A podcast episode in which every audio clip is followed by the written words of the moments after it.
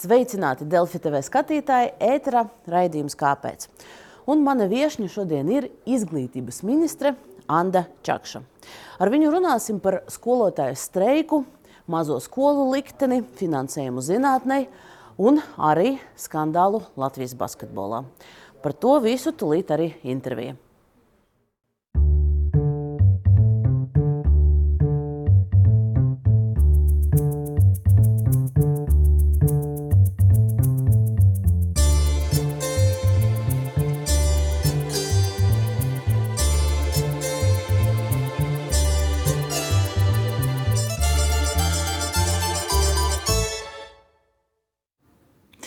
Andi Čakša, esat laipni aicināti raidījumā. Kāpēc? Labdien! Eh, daudzas šonadēļ aktuālas problēmas ir jūsu ministrijas pārziņā, un iespējams eh, karstākais temats ir eh, šodien tieši valdības centieni apmierināt pedagoģu prasības, un šodien gaidāma ministru kabineta sēde kur plānots apstiprināt šo ideju par algu pie, pieaugumu skolotājiem, bet mēs sāksim ar ļoti satraucošiem notikumiem basketbolā.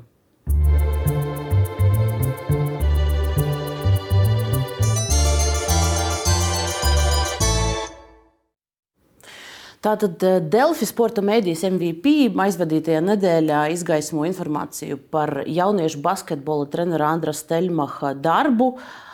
Gan to, ar kādām metodēm viņš strādāja, gan to, ka viņš pēc publikācijas spriežot, esot uzmācījies savai 14-gadīgai audzēknei, pēc tam iestājies ar viņu pēdiņās attiecībās. Ir reakcija no sporta sabiedrības daļai. Latvijas Basketbola Savienība pieņēma lēmumu neļaut trenerim piedalīties Savienības organizētajās sacensībās. Uz laiku viņš atstādināts arī no darba Jurmalas sporta skolā.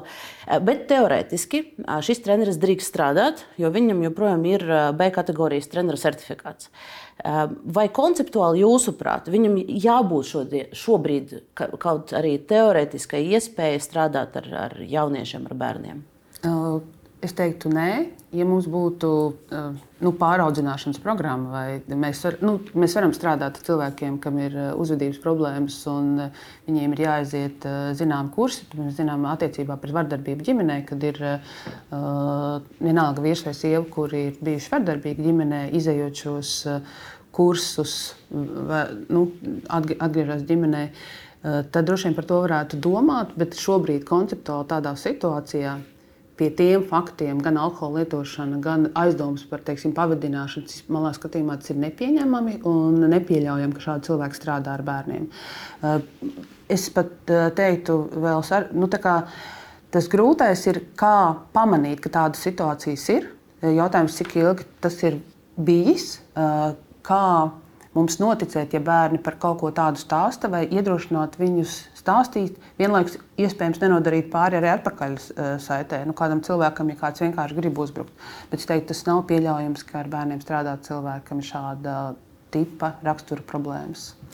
Šobrīd Sporta federācijas padome ir uh, paskaidrojusi, ka viņi lūguši informāciju no uh, Steļmaha darba vietām. Uh, un tikai tad lems, ko darīt ar, ar šo viņam vēl joprojām esošu certifikātu. Uh, bet uh, izglītības ministrija ir viena no iestādēm, kura var pieprasīt šī certifikāta anulēšanu. Jautājums, vai plānota kaut kāda rīcība no, no ministrijas puses? Sporta departaments sagatavo do, sagatavos dokumentus un noteikti arī pieprasīs šāda veida uh, informāciju. Tie ir svarīgi arī, protams, ka mēs nesodām cilvēku, kurš nav vainīgs Nu, to ir kontekstā, bet šajā gadījumā nu, no pieejamās informācijas absolūti noteikti atgriežos pie tā, ka nu, cilvēks nevar turpināt strādāt ar bērniem.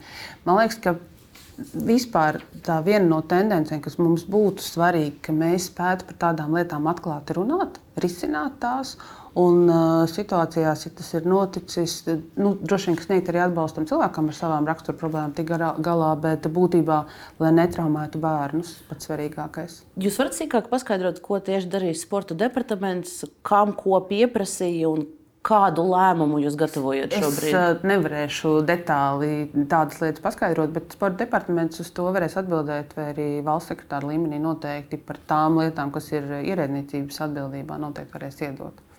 Bet jūs, kā, kā ministras atbildība, ir šī sporta nozare. Tas Jā. arī likumā ir ierakstīts.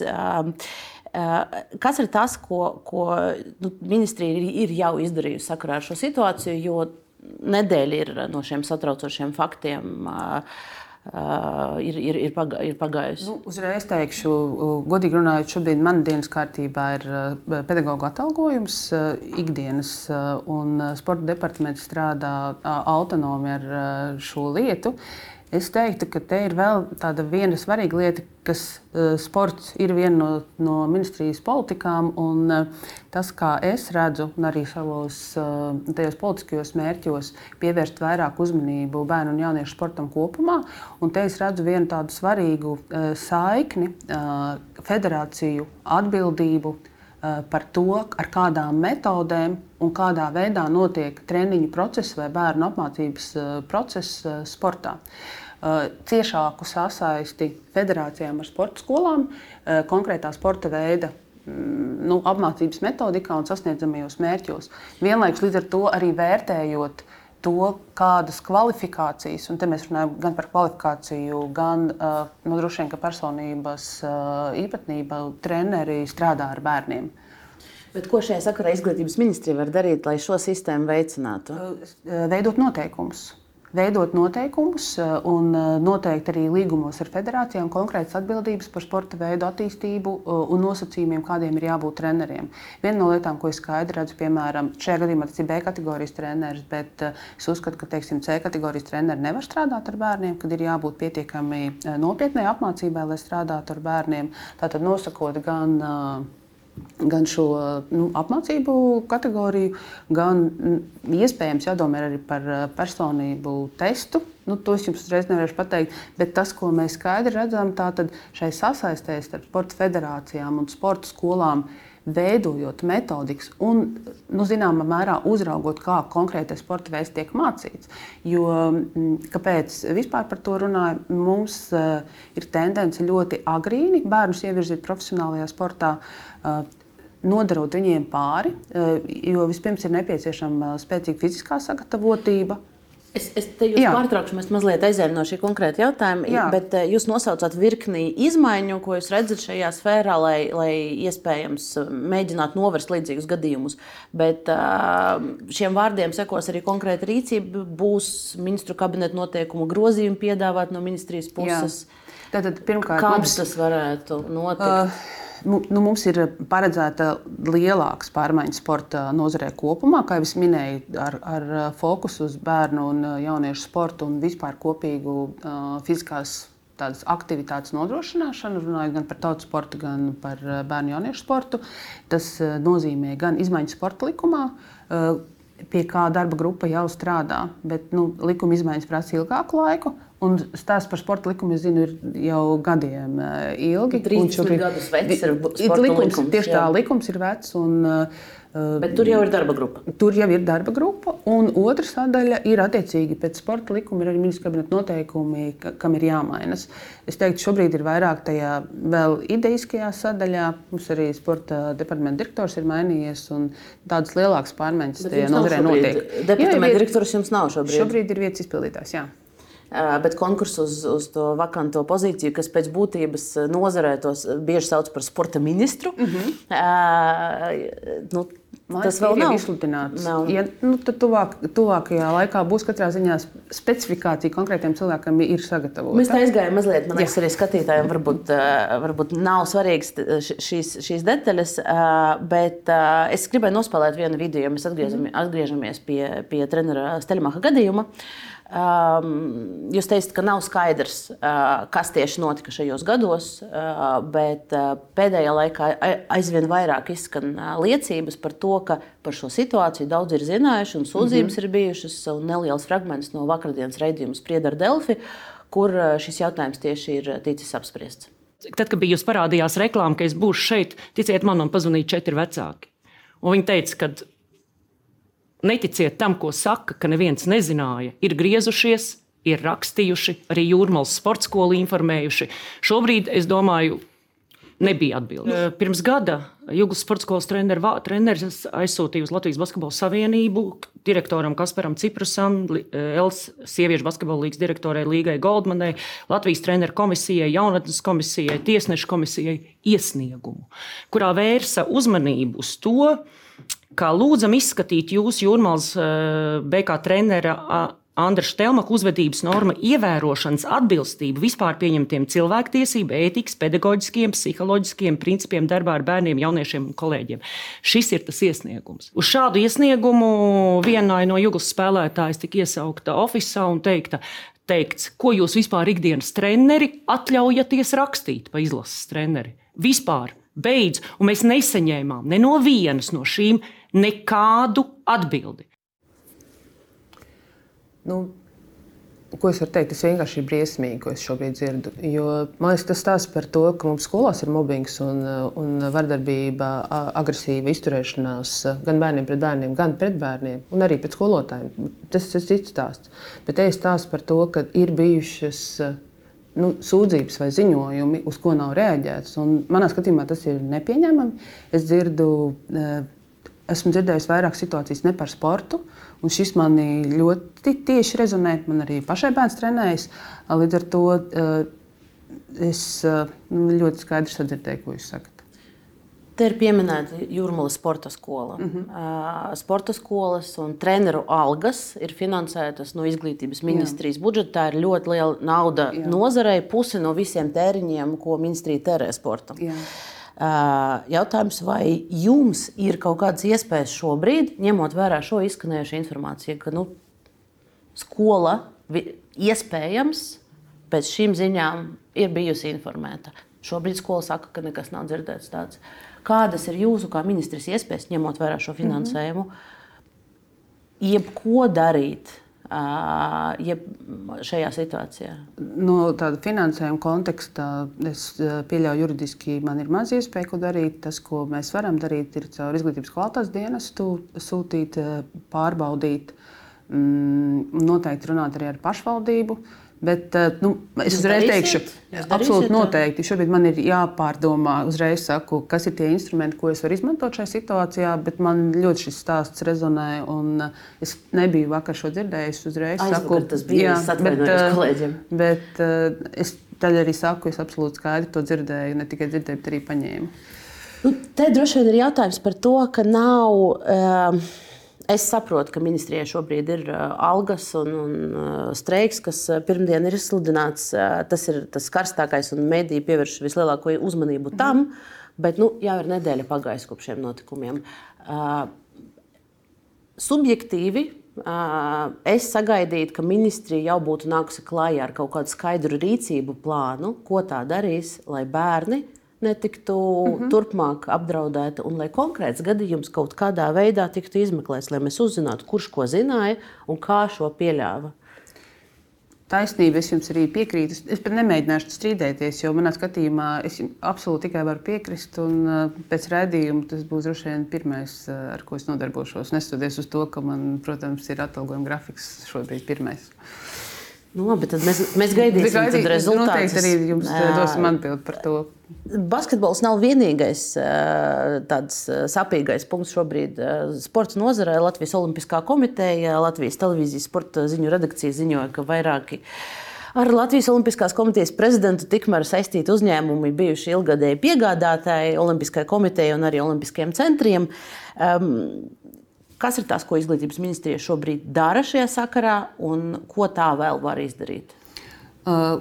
Konkrēti attiecībā uz šo situāciju, tātad tas, ko ministrija dara, noska, nu, uh, kontaktā gan ar knābu, gan ar valsts ieņēmumu dienestu, noskaidro, kādai ir jābūt uh, šai pozīcijai attiecībā uz to, ja uh, organizācija izmanto valsts saņemto finansējumu. Un te tas, kas nav bijis izdarīts, tātad uh, Olimpiskās komitejas priekšsēdētājiem ir jābūt prezidentam, ja? ir uh, jābūt amatpersonai. Uh, un tajā brīdī ļoti konkrēti jānošķir uh, savus interešu konfliktus, kas nav bijis līdz šim. Un, uh, līdz ar to mm, nu, tās ir tās mūsu rīcības. Un vēl papildus, vai, vēl, vai, vai ir vēl kaut kas, ko jūs varat un ko jūs plānojat? Nu, šobrīd tas, ko mēs plānojam darīt, ir kopumā. Es domāju, tas arī nav tikai šodienas jautājums, bet jau iepriekš diskutēts jautājums par to, kādā veidā, cik caurspīdīgi un kādā veidā valsts finansējums nonāk līdz sportistiem. Uh, cik daudz organizācijām tas iet cauri. Šobrīd tas plāns, kā es redzu, un tas mūsu uzstādījums ir, ka ministrija pati veic šo finansējumu sadalījumu uz sporta, mm, līdz sportistiem, lai nav tā, ka šīs, šie neskaidrie iepirkumi, es saprotu, ka tur ir vēl ļoti daudz lietas, kas mums ir jāšķitina un jāsaprot, kas ir apakšā bijis, kā ir izmantots valsts finansējums. Tādēļ es teiktu, ka nu, sporta nozarē šobrīd mums ir nu, tāda prasās pēc tādas nu, ļoti lielas skaidrības ieviešanas. Nu, Protams, iepriekš sporta finansēšana notika caur Latvijas Olimpisko komiteju, Sporta federāciju padomi un citām organizācijām. Jā. Jums ir Plāns. ideja to visu paturēt uh, ministrijā. Ministrijā un ar konkrētiem kritērijiem, pie kuriem jau nor, norit darbs, uh, sadalīt līdz, uh, konkrētajām, uh, līdz konkrētajiem saņēmējiem. Jā. Lai nebūtu šī nu, šī situācija, ka nu, ne tikai ir sajūta, bet jau reāli fakti, ka finansējums nevienmēr nonāk uh, caurspīdīgi līdz uh, gala mērķim. Bet runājot par finansējumu, tas, kas izskan šobrīd no kolēģiem, kas strādā, uh, strādā, strādā ar sporta tematiem un no tām mazām federācijām, kurām katrs cents ir ļoti svarīgs, viņi vēl no, joprojām nav, nav saņēmuši pārskaitījumus. Uh, tie līdzekļi, kas agrāk tika ziedots ar Latvijas valsts mežiem, šobrīd nāk caur izglītības ministriju, un šo pārskaitījumu vēl viņi nav saņēmuši.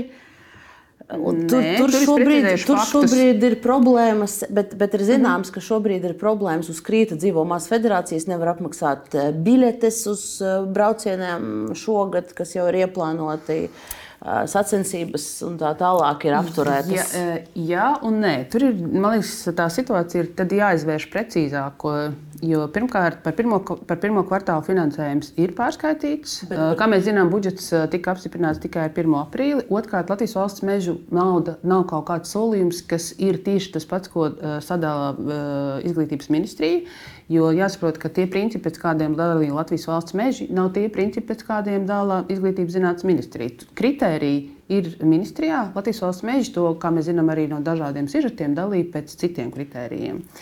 Un, man jāsaka, ka federācijas ilgstoši ir, ir dzīvojušas nu, tādā citos nosacījumos, un tādēļ es arī runāju par tādu lielāku caurspīdīgu un skaidrību, kas šobrīd, nu, ko sportā es šobrīd gribu izveidot. Un, eh, jā, pirmā kvartālam finansējums ir bijis. Šobrīd arī tas papildu finansējums, kas nācis no budžeta, Uh, un ir izglītības un zinātnīs ministrijas budžetā tieši sportam, bet kritērijiem arī tiks uh, tālāk dalīts. Bet, ja var tā teikt, iepriekš esošais jau finansējums, kas nav jaunais klāt, vēl uh, tiek dalīts pēc vecajiem kritērijiem, bet būtībā mēs ejam uz tādu caurspīdīgāku sistēmu, lai nebūtu tādi jautājumi, kuriem nevar atbildēt un nevar saprast, kā finansējums nonāca līdz gala mērķim. Nu, tad cerēsim, ka, ka... Tā ir ļoti liela tēma patiesībā. Tur droši vien mēs varam veselu atsevišķu raidījumu tikai par to veidot, un tad jāņem klāt. Vienā brīdī, jā, ja, ja es domāju, ka vienā brīdī nāksies, nāksies to vien arī darīt, bet tik tālu par sportu.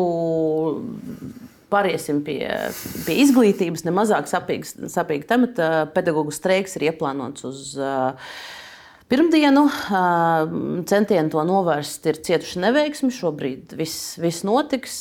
Strīds par algu grafiku, par nepietiekamo finansējumu. Tūlīt par to visu runāsim. Bet pirms sarunas neliels ieskats tematā kā tādā.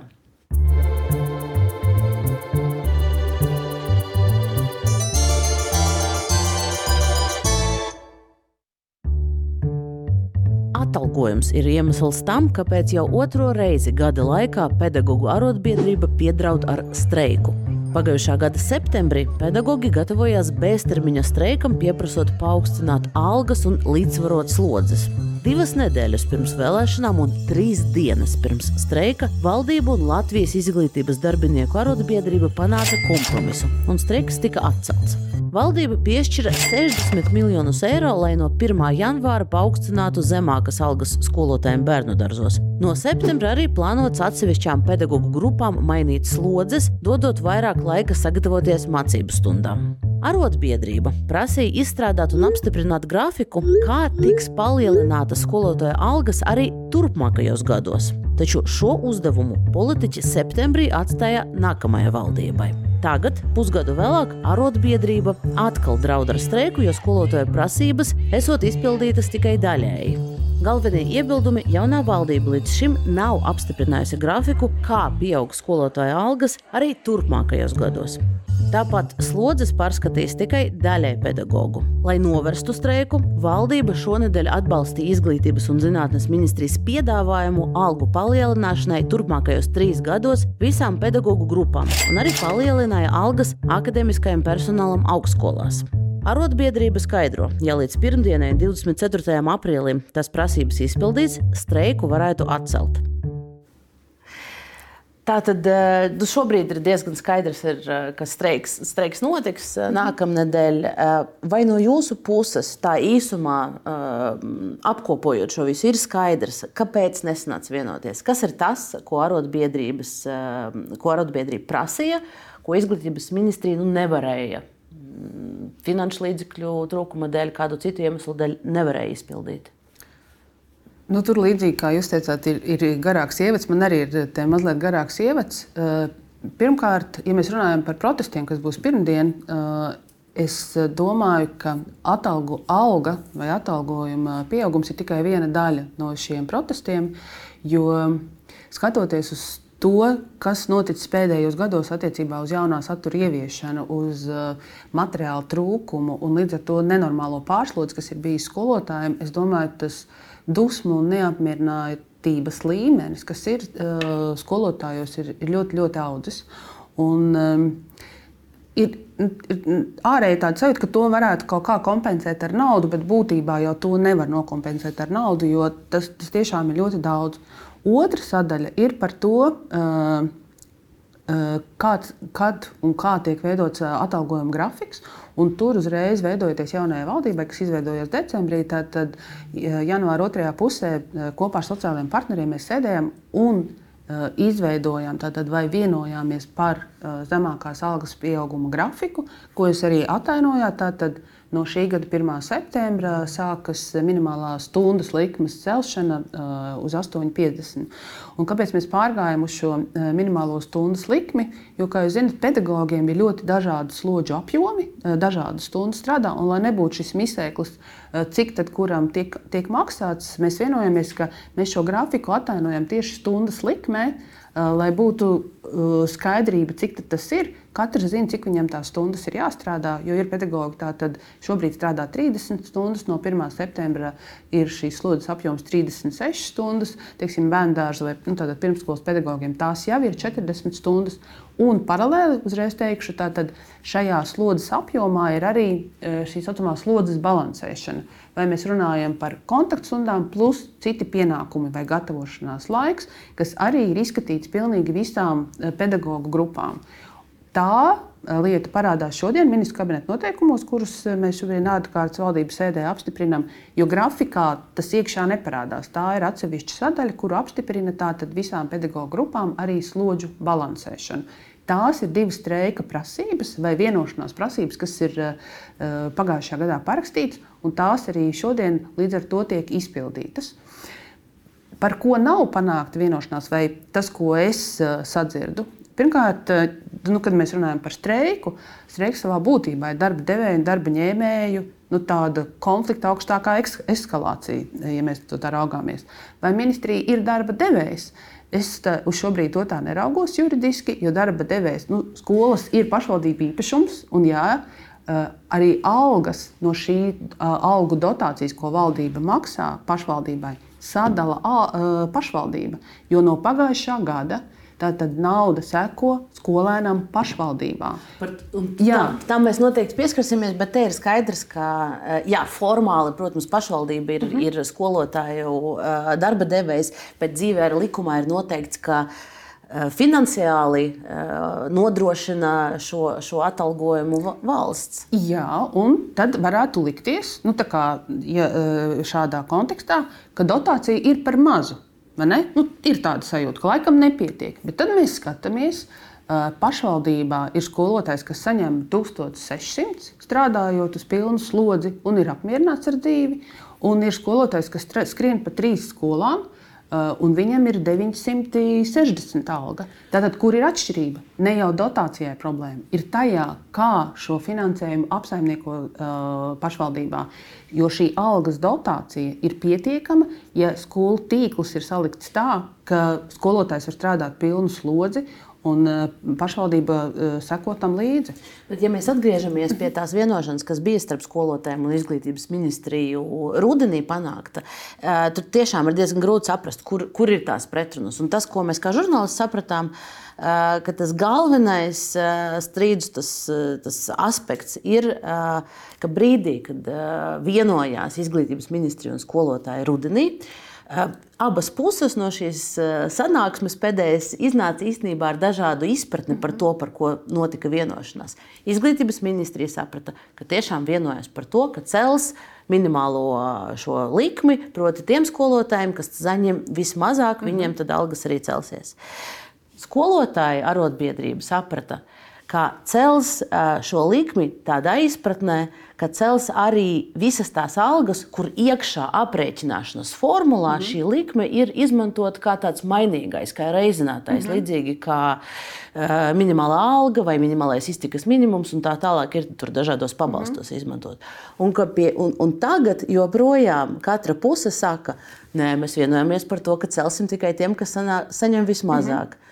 Un uh, skolotāji saka, nē, nē, nē, nē, tas nav tas, mēs sapratām citādāk. Es pareizi sapratu to būtību. Zināmā mērā, jā, jo ja mēs, bet, ja mēs skatāmies uz to uh, streika prasību nosaukumu, zemākās atalgojuma pieauguma grafiks. Viņš jau sākas ar vārdu zemākā atalgojuma pieauguma grafiks.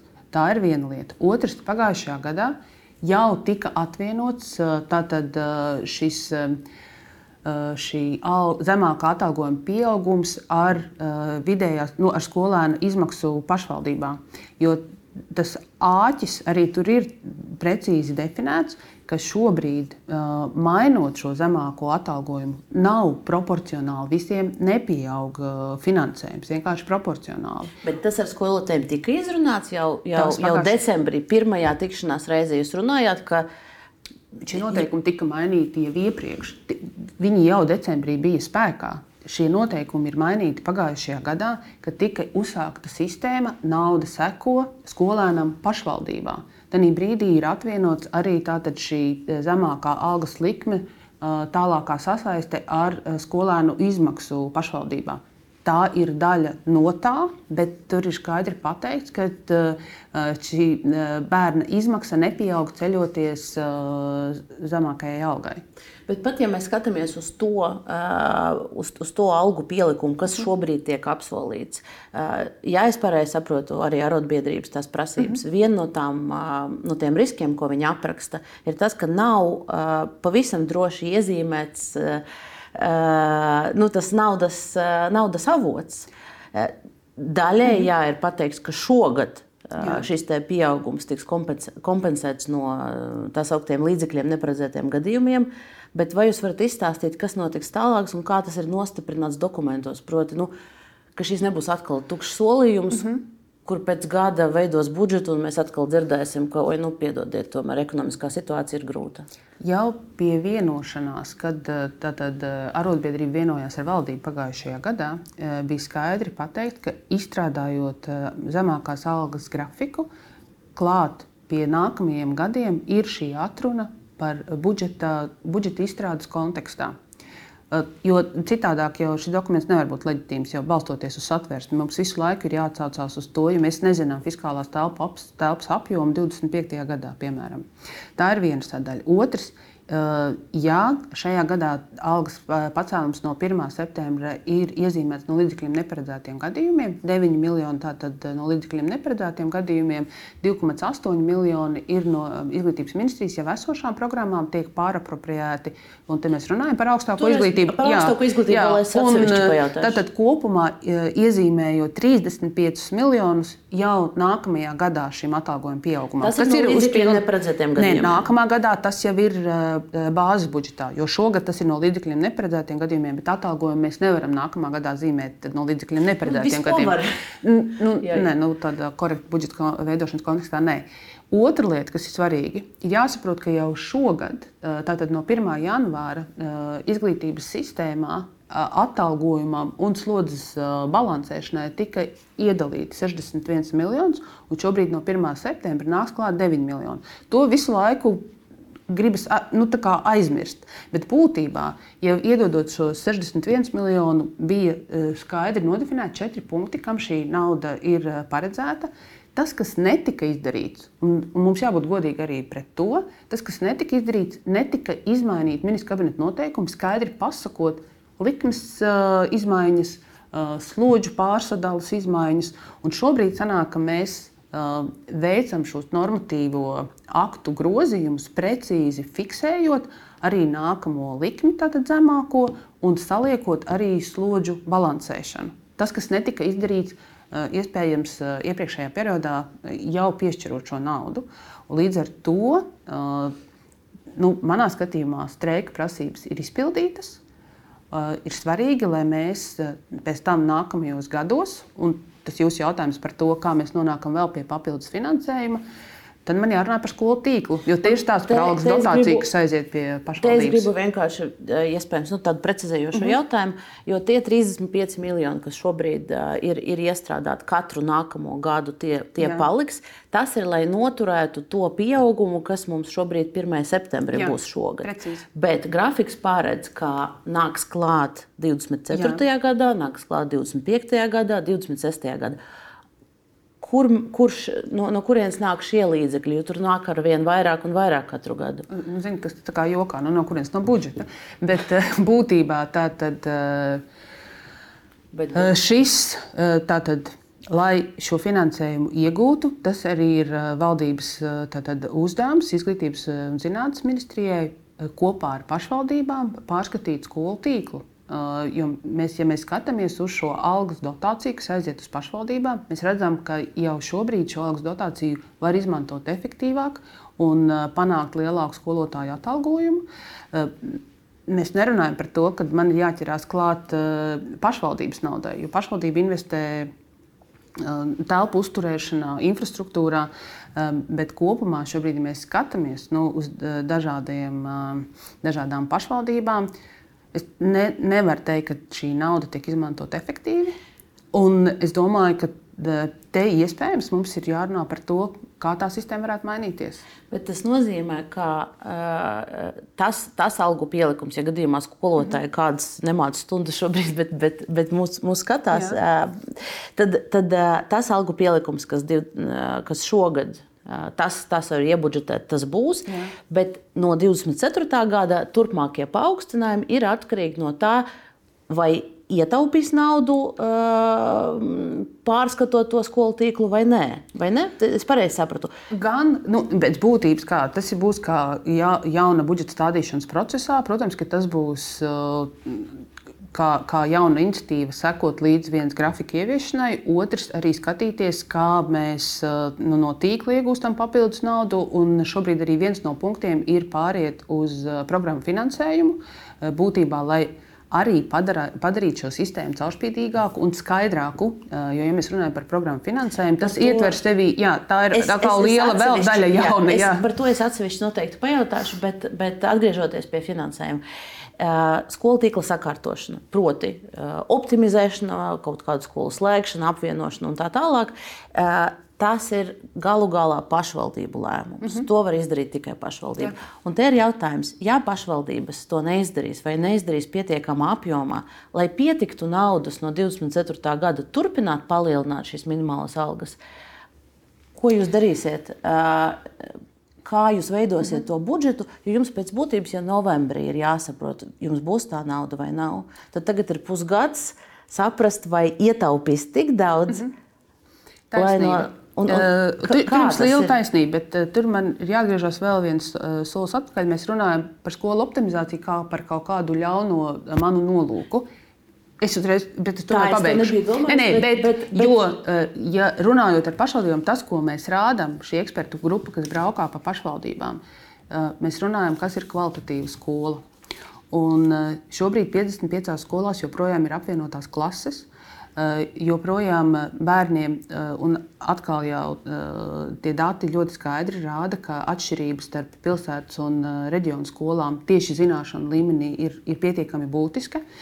Un tas stāsts, ar ko es vēršos pie pašvaldībām, ir nevis, ka man kaut ko ļoti gribas iejaukties viņu autonomajā funkcijā, bet domājot par bērniem, kā mēs varam panākt kvalitatīvu izglītību un palīdzēt ar tiem instrumentiem, ar tām mūsu zināšanām, kā konkrētajā pašvaldībā, vienotas sistēmas ietverā, var izmainīt šo skolu tīklu.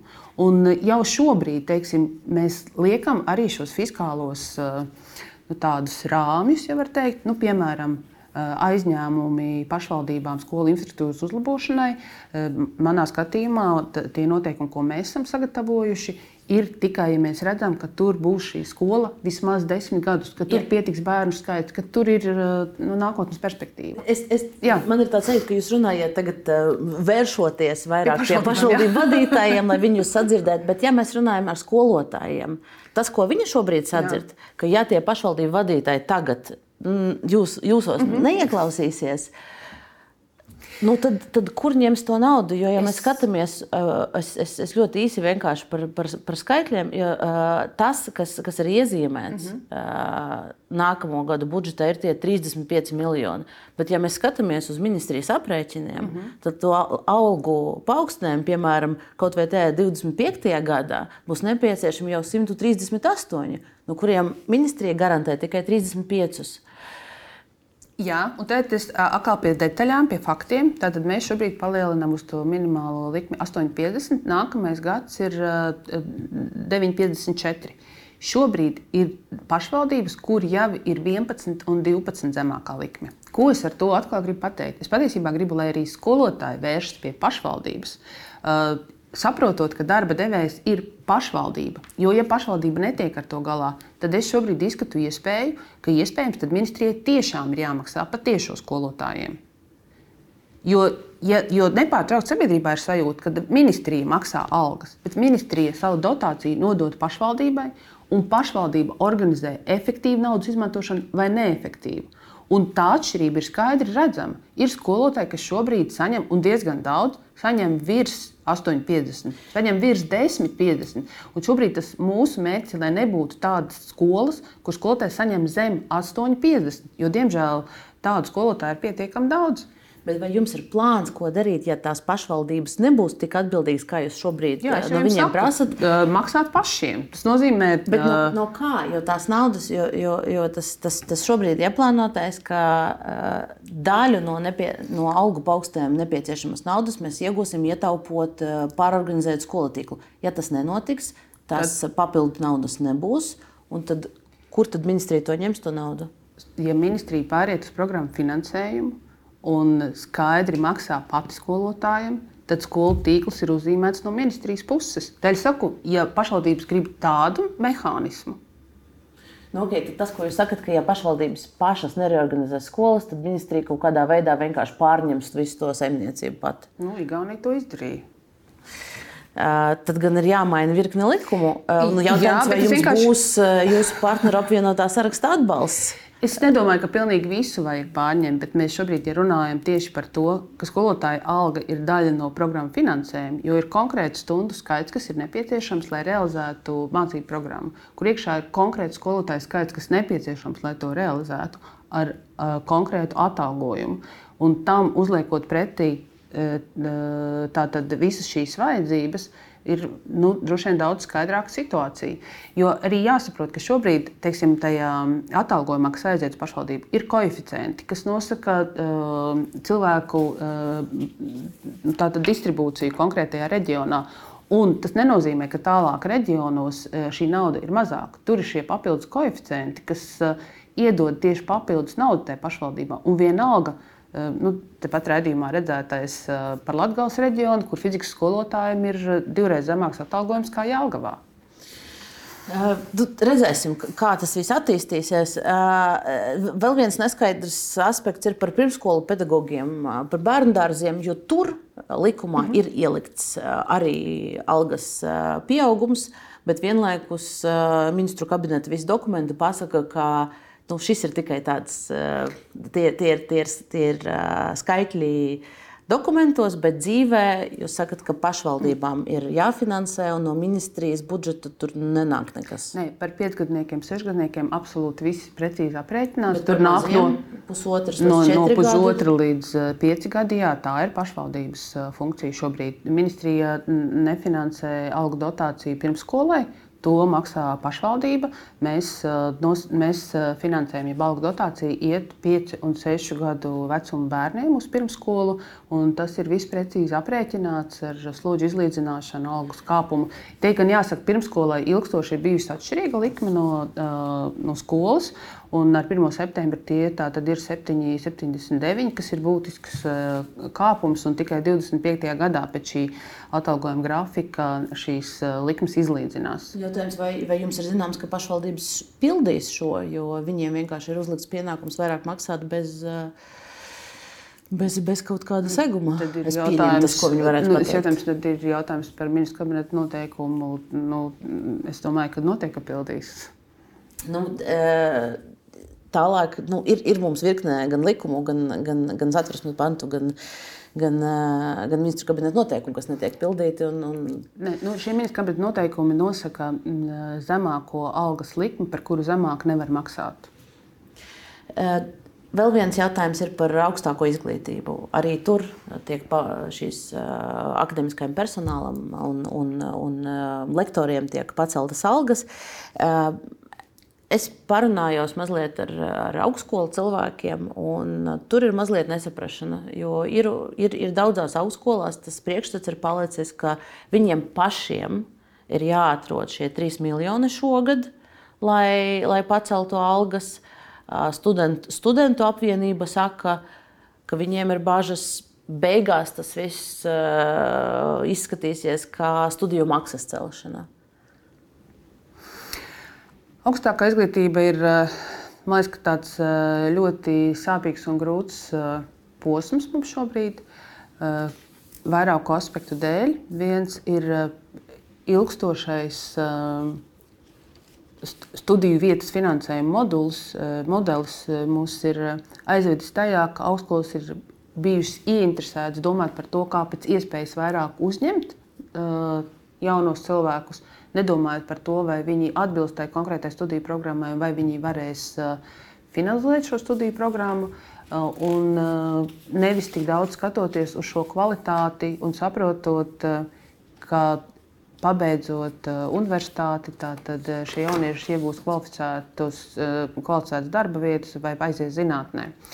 Un jau iekšēji kādu mirkli mēs diskutējam par to, kā mainīt to lai nevis uh, tas fokus būtu uz to maksimāli daudz paņemt, bet tieši vis, tad uzņemt tos, kuriem ir vēlme studēt un kuriem tas patiešām uh, ir nepieciešams, nu, ja tā var teikt. Un, uh, līdz ar to arī mainīt finansēšanas uh, modeli.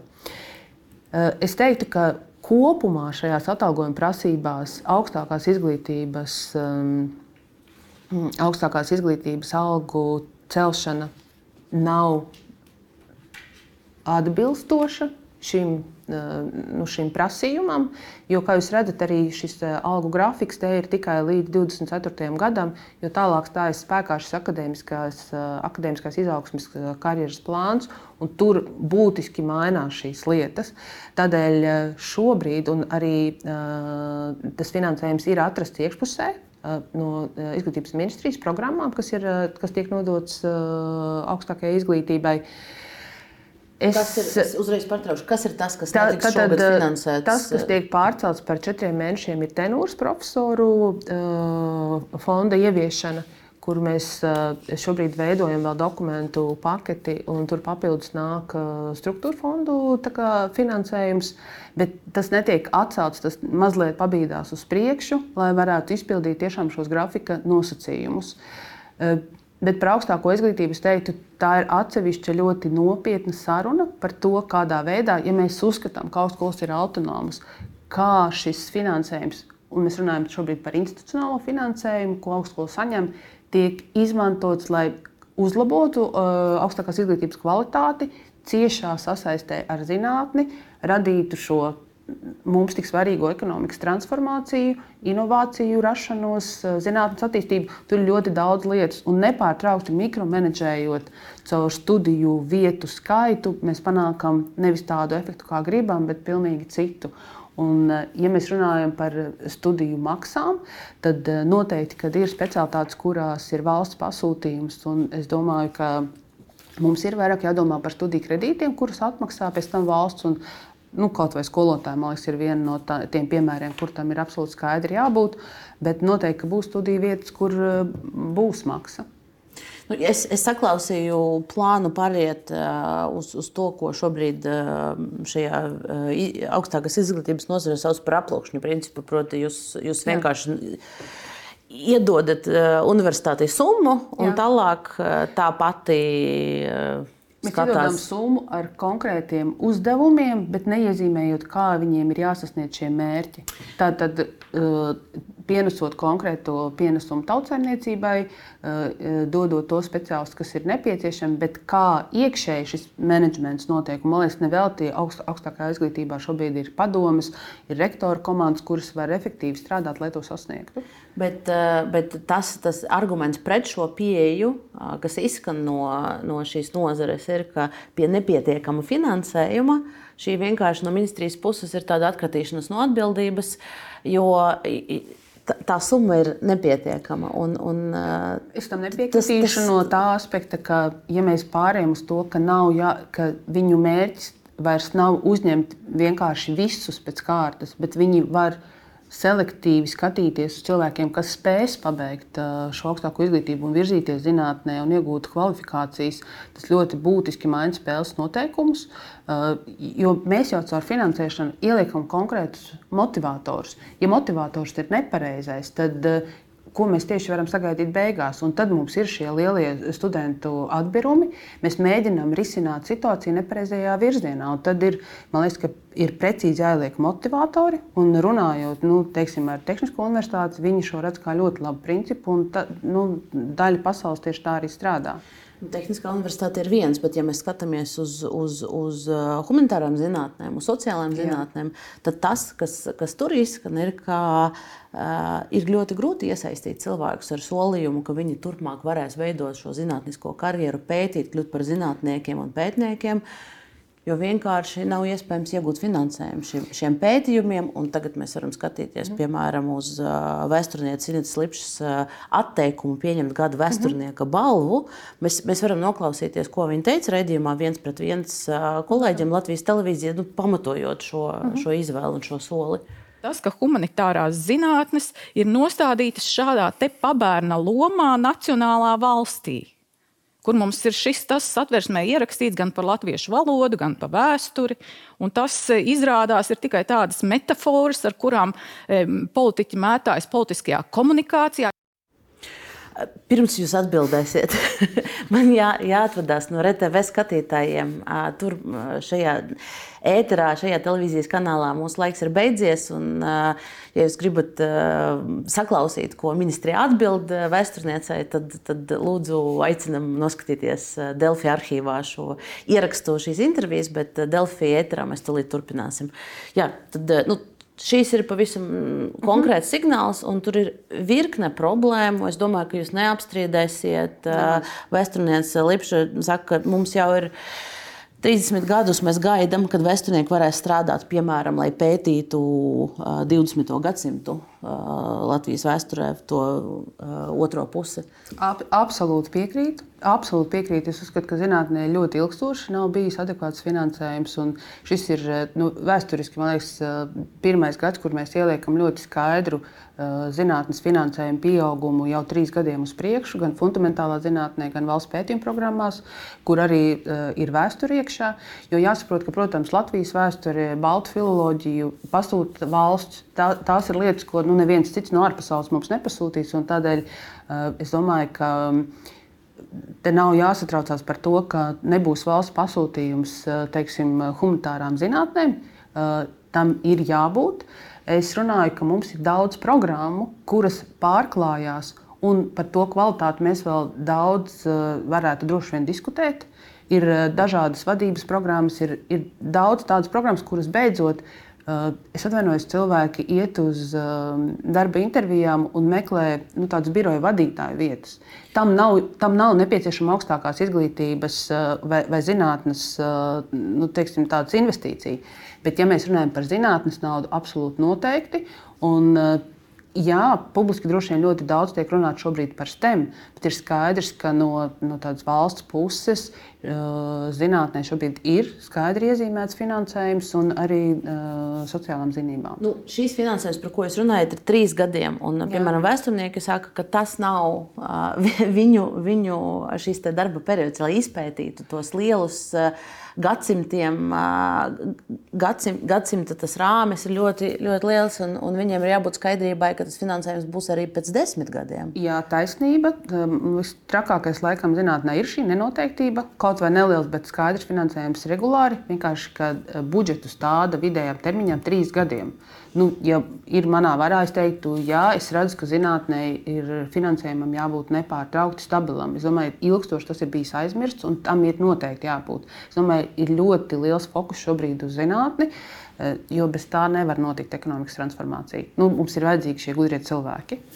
Nu, tas nav tas, tas fokus nav tas, ko, ko, ko saredz, ko saredz vēsturnieki, jo bija arī atklāta vēsture, eh, vēstule eh, no, no daudziem sabiedrībā ļoti cienījamiem vēsturniekiem, kur viņi skaidroja, ka viņi nespēja iegūt finansējumu saviem pētījumiem, jo kritēriji bieži vien ir domāti eksaktiem zinātnēm. Šobrīd tas ir mainīts. Viņi var šobrīd iegūt Jā, nu, man izglītības departaments deva atbildes. Mēs arī tiešām pēc Lipskundzes šī situācijas arī interesējos, kā mēs to varam mainīt un vai, vai nu, šobrīd ar jauno finansējumu kaut kas mainās. Ir papildus arī fokus tiešām uz, uz sociālām zinātnēm, tajā skaitā vēsturi. Vienkārši jāsaprot, ja tik ilgstoši šis finansējums nav bijis, un es jau ne, ne, nenoliedzu to, ka tāda situācija ir bijusi, bet mēs esam tajā vietā, kur tas finansējums tikko ir atnācis klāt, un tā situācija var izmainīties tikai pakāpeniski. Uh Noslēdzot uh, to uh, izglītības tematu, es gribēju vēl, vēl mazliet atgriezties pie skolām, jo viena no tām reformām un izmaiņām, par ko nu, mēs nebijām runājuši, ir. Uh, Kā lai to saka, tā sauktā, bieži vien to sauc par krievu skolu reformu, mm -hmm. veco, vecā valodā, izmantojot vecos terminus. Bet, vai šobrīd jums ir pārliecība, ka skolotāji ir gatavi, ka viņiem ir visi materiāli, ka viņi ir gatavi tam, ka 1. septembrī jau šogad viņam, viņam klasē būs bērni, kuriem ir ļoti atšķirīgas valodas prasmes. Kāds jau no dārziņa labi runā latviešu, kādam ģimenēm vispār nekad latviešu valodu nav dzirdējis. Tā tomēr ir īpaša metodoloģija, kā skolotājiem strādāt ar šādu klasi. Un, vai, vai, vai visiem viss ir pieejams? Tas, par ko man ir pārliecība, ka mēs šobrīd uz šo strādājam ļoti intensīvi. Mums bija arī tikko hackathons, iesaistot dažādu skolu pārstāvis uh, un, un dažādus pārstāvis meklēt tieši tās metodas, kā vislabāk 1. septembrī sākt šo darbu. Un patiesībā stāsts ir ne tikai par 1. septembri, bet jau vasarā, ko mēs varam palīdzēt vēl bērniem un arī skolotājiem, kuriem būs šī uh, pārējai uz latviešu valodu. Eh, tas viens no tām atziņām, uzreiz, ko es, ar ko var dalīties, ka skaidrs, ka ļoti liels akcents ir uz pirmskolu. Jo, ja mēs to izdarām pirmskolā, tad pēc tam mums nu, to problēmu uzreiz ir daudz mazāk. Šobrīd ir eh, vēl nav gatavi, bet eh, diezgan lielā gatavības stadijā jau materiāli, kas palīdz pāriet vieglākā valodā, lai bērni nu, teiksim, 7. klasē var sākt mācīties. Jo mēs, diemžēl, Eh, kas man jāsaka, tiešām, diemžēl, eh, jāsacina, ka, lai arī tur būtu 60% jau jābūt latviešu valodai, viņas nav. Mums ir vietas, kur bērni nezina nevienu vārdu latviešu valodā. Un tā, tā palīdzība iespējams mums ir nākusi šobrīd integrējot ukrāņu bērnus, ka ir jādomā pat iespējams par tādu moduļu apmācību, kur sākumā ir tikai valoda, jo tas darbs, kas ir skolotājiem strādājot klasē, bilingvāli, lai šie bērni varētu pāriet, jo arī tās bērnu zināšanas ļoti dažādas, ir ļoti sarežģītas. Nu, un otra daļa, protams, ir pašiem skolotājiem. Sniegt pilnu atbalstu uh, skolotājiem. Uh, pārējai uz apmācību latviešu valodā, ja nav stāsts par latviešu valodas zināšanām, bet par spēju mācīt latviešu valodā. Un, uh, kā nu, ja tā teikt, miksēt skolotājus, lai Īpaši tajās klašu grupās, kur ir šī pārējai uz latviešu valodu, skolotāji būtu spējīgi to darīt. Nu, materiāli vēl visiem nav. nav vēl materi... Es arī saku, Jā. vēl visiem nav. Šobrīd ir augsta gatavības stadija, bet vēl materiāli visiem nav. Bet Kas um, viens, viens aspekts, kas uh, man, man šķiet bieži tiek aizmirsts šajā stāstā, ir uh, nu, tā faktiskā desegregācija. Jo mums ir mhm. saprotams, ja nu, teiksim, ir Rīgas mikrorajons, kur ir vēsturiski krievu, nu, nosacīta krievu un vēsturiski latviešu skola. Inerces pēc, uh, aizspriedumu dēļ, vienkārši nu, tā vēsturiski uh, turpināsies, šīs, ši, turpināsies šis sadalījums, vai ministrijai ir kaut kāds konkrēts plāns, lai izjauktu šo sistēmu nu tā, uh, strauji. Nevis gaidīt, kad tas mainīsies pēc vēl 20 gadiem. Nē, tur jums ir taisnība. Un, es teiktu, tas varbūt ir iemesls, kāpēc ir tādas klases, kur, kur bērni nezina joprojām nevienu vārdu latviešu. Tas ir tas, kāpēc arī mēs šo hackathonu veidojam, meklējam tās metodes, kā mēs varētu strauji izmainīt situāciju. Mēs nevaram bērnus pārvietot. Nu, bērni iet skolā tuvāk dzīvesvietai. Tādēļ bija doma par vasaras nometnēm, kur varētu uh, dažādās proporcijās bērnus aicināt apgūt latviešu valodu, mainīt to situāciju. Bet atkal jau pašas skolas. Uh, pārvietojot nu, kā nebūtu, man jāsaka, laikam, viens piemērs, un es nezinu, cik tas labi dzīvē strādā, bet tas, ko man rādīja Daugopilī, tas izskatījās uh, optimistiski, kur ir uh, uh, mazākuma tautības skola apvienota ar latviešu skolu, un kur arī direktors ir latviski runājoši, veido šo integrāciju. Tas jūsu jautājums ir par to, vai mainīt skolu atrašanās. Nu, Nu, teiksim, viens, no, viens no variantiem, ko es runāju ar izglītības mm -hmm. profesionāļiem, esmu dzirdējis, ja ir blakus divas mm -hmm. skolas, kas bieži vien ir, ka tur ir pāri ielai. Un administratīvi tas tiek apvienotas, Jā. un vienā, vien, vienā eh, mājā ir eh, sākuma skola un tad mm -hmm. vidusskola.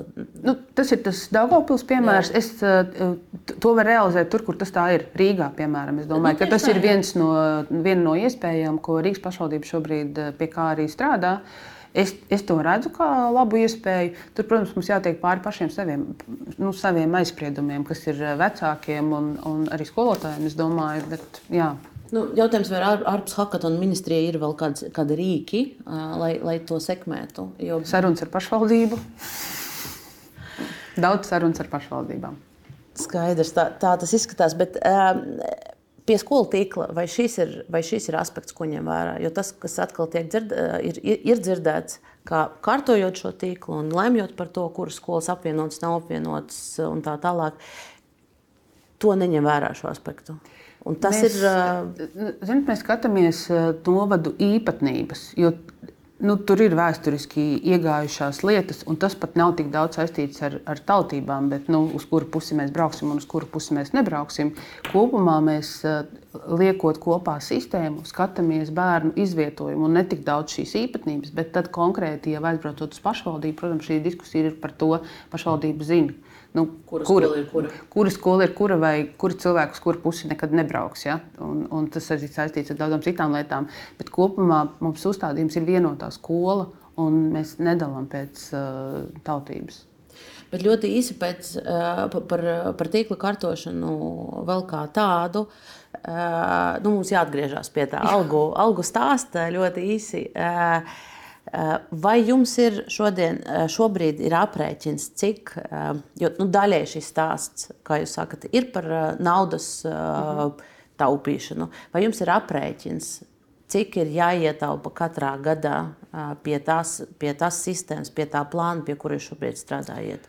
Jo atkal nu, no tā ir mhm. atkarīgs, vai jūs spēsiet mhm. pildīt solījumu skolotājiem.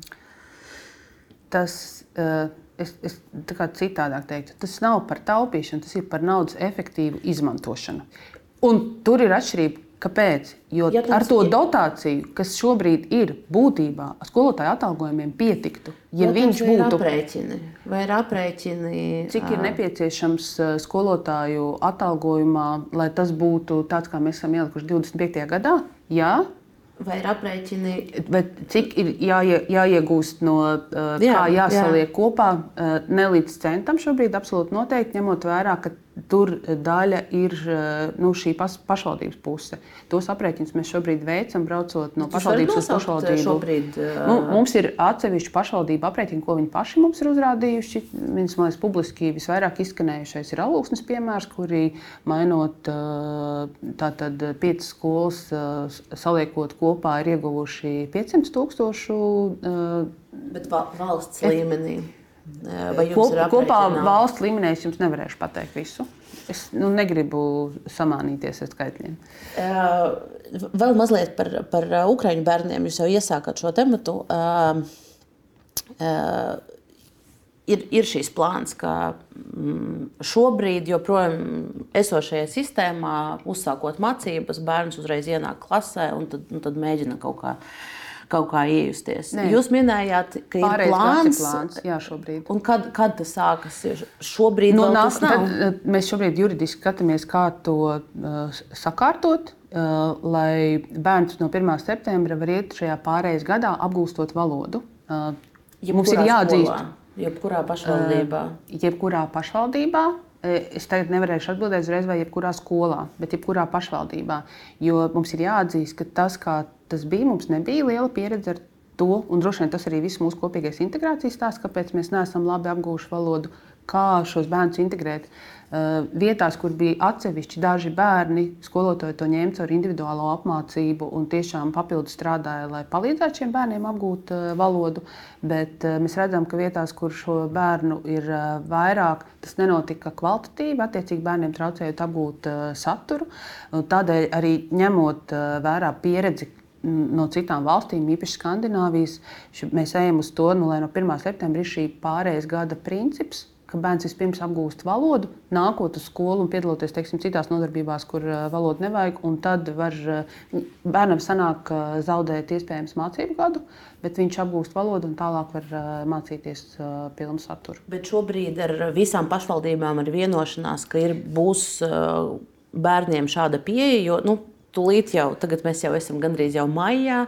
Septembrī ir jāsākas šai sistēmai, ir Tur- tikai vasara organizācija. Tur uh, detālāk noteikti varēs ierēdniecība atbildēt, bet uh, jo šobrīd mēs strādājam tieši pie šī jur- juridiskā formatējuma un sarunām.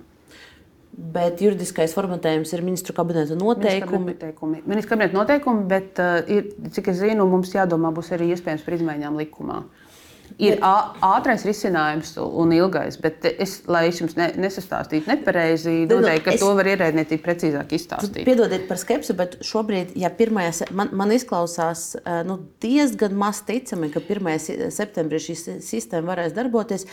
Ja ir nepieciešams ministru kabineta grozījumi, ja ir nepieciešami likuma grozījumi, ja vēl visām skolām ir jāsaprot, kā tur viņi pārplāno savas slodzes grafikus, kur skolotājs strādā. Uz 1. septembra nav nepieciešama likuma grozījuma, un ir jāsaprot, ka šie bērni nav šobrīd visās pašvaldībās, kur ir nepieciešami šie pārējais gadi. Lielākais bērnu skaits ir Rīgā. Uh, un es domāju, ka mēs to atrisināsim. Tur ir ļoti skaidrs uzstādījums, ka šim jābūt ir atrisinātam, lai 1. septembrī būtu skaidrība. Nu, pirms 1. septembra būtībā. Viens, viens cits uzstādījums, kur, kur eh, gan eh, kultūras ministrs šajā studijā novēl visu Jā. atbildību uz jums, eh, ir, ir eh, tie, tie bērni, kas eh, neiet Latvijas skolās, eh, attālināti mācās Ukraiņas izglītības iestādēs, un lielākoties tie ir eh, pusauģi, kuriem jau drīz iespējams ir jāsāk strādāt, un iespējams viņi tagad to grib. Valodas kursi, kurus valsts apmaksā šobrīd Ukraiņas civiliedzīvotājiem, uz bērniem neatiecas. Viņiem, ja viņi mācās attālināti no mājām, iespēju apgūt latviešu valodu nu tā, organizēt viņiem nav ārpus eh, NVO kaut kādām iniciatīvām. Nu, izkla- Izklausās ļoti nozīmīga problēma. Jā. Uh, Visi skolas vecuma bērni ir piesaistīti kādai no skolām, un uh, skolas kontekstā viņiem arī ir iespēja apgūt latviešu valodu. Uh, bet šobrīd tas ir individuālā līmenī, nu, ar papildus nodarbībām. Jo pat ja bērni nemācās latviešu skolā, bet uh, ir attālinātās apmācībās, visi bērni ir uzskaitīti un zināmi. Un, ja, nav. Viņi, viņi nav kā kursi, jā, tās ir kā individuālas apmācības. Tādēļ arī mēs nu, šobrīd strādājam pie tā, lai to izmainītu. Bet uh, es nu, nenoliedzu, ka metode, kādā veidā valoda ir mācīta, nav bijusi pietiekama. Nu, jautājums, ko nozīmē tas, ka jūs strādājat, eh, ir, ir top uh, finansējums tieši kursiem? Nometnēm, nometnēm latviešu valodas apguvējuši uh, vasarā. Bet tas vēl nav piešķirts. Ne, finansējums, jau ir, ne, finansējums jau ir uh, iezīmēts Un, ja nemaldos, tūlītās eh, nu, šajās nedēļās viņam ir jābūt arī apropriētam, jo finansējums ir viņu apropriēts. Pēc sākuma jābūt lietai. lēmumam ministru kabinetam, Jā. ka lūk, Jā. finansējums aiziet, un tikai tād kāds vēl var, Varēs var to, to strādāt. Nu, ir, izklausās ir diezgan vēlu tas viss. Nu, nav ātri, jā. Bet par piesaistīšanu skolai, eh, tur, tur jums atšķiras informācija no NVO. Jo tas, ko saka NVO, kur ir eh, tiešā, tiešā veidā mm -hmm. iesaistīti palīdzībā bēgļiem mm -hmm. un, arī, un arī bērniem no Ukraiņas civiliedzīvotāju.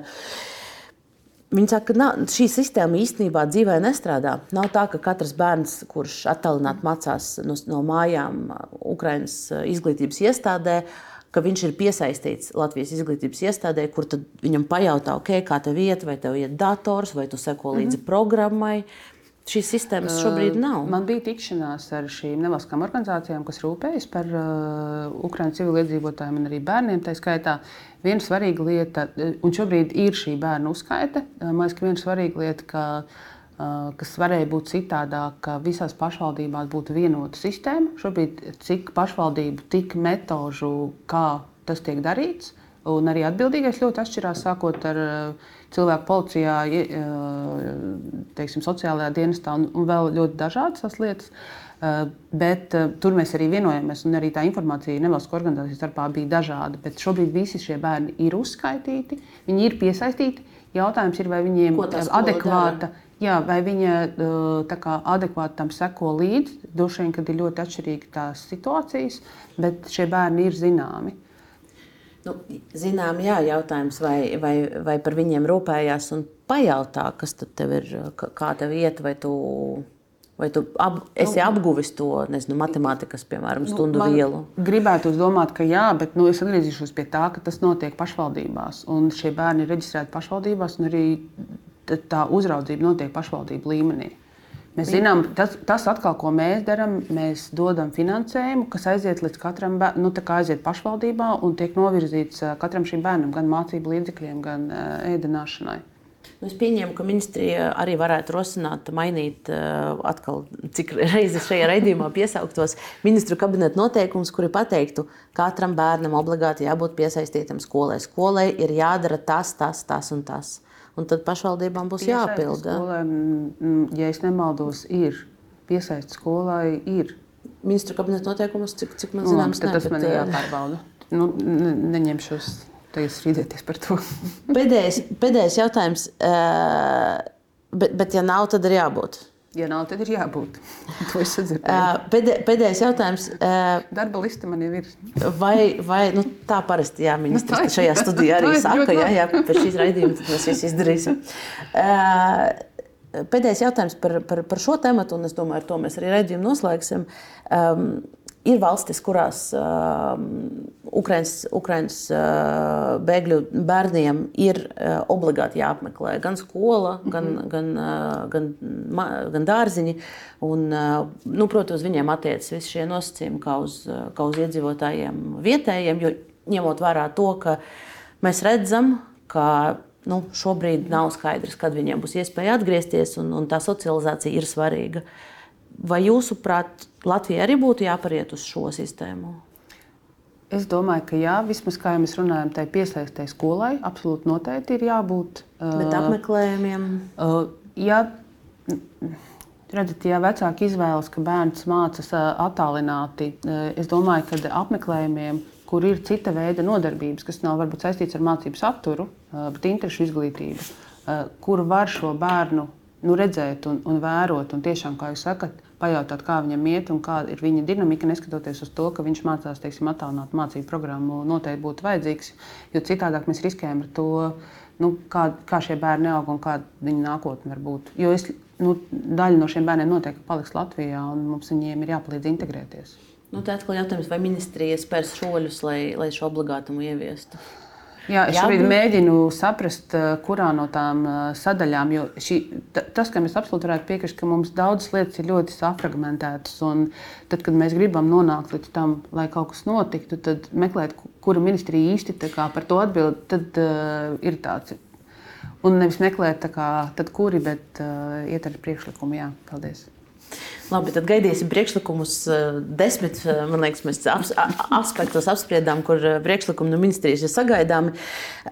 Ceram tad arī uz rīcību. Un paldies, paldies par viesošanos šodienas raidījumā. Skatītājiem arī paldies, ka bijāt ar mums. Es atgādināšu, ka podkastu platformās arī esam pieejami. Var audio versiju noklausīties, arī apskatīties, kāpēc raidījumu arhīvā. Pirmdienas sprieda ar Delfiju, turpinās Delfi TV ētru, bet eh, es eh, no jums šodien atvados un mēs tiekamies pēc nedēļas.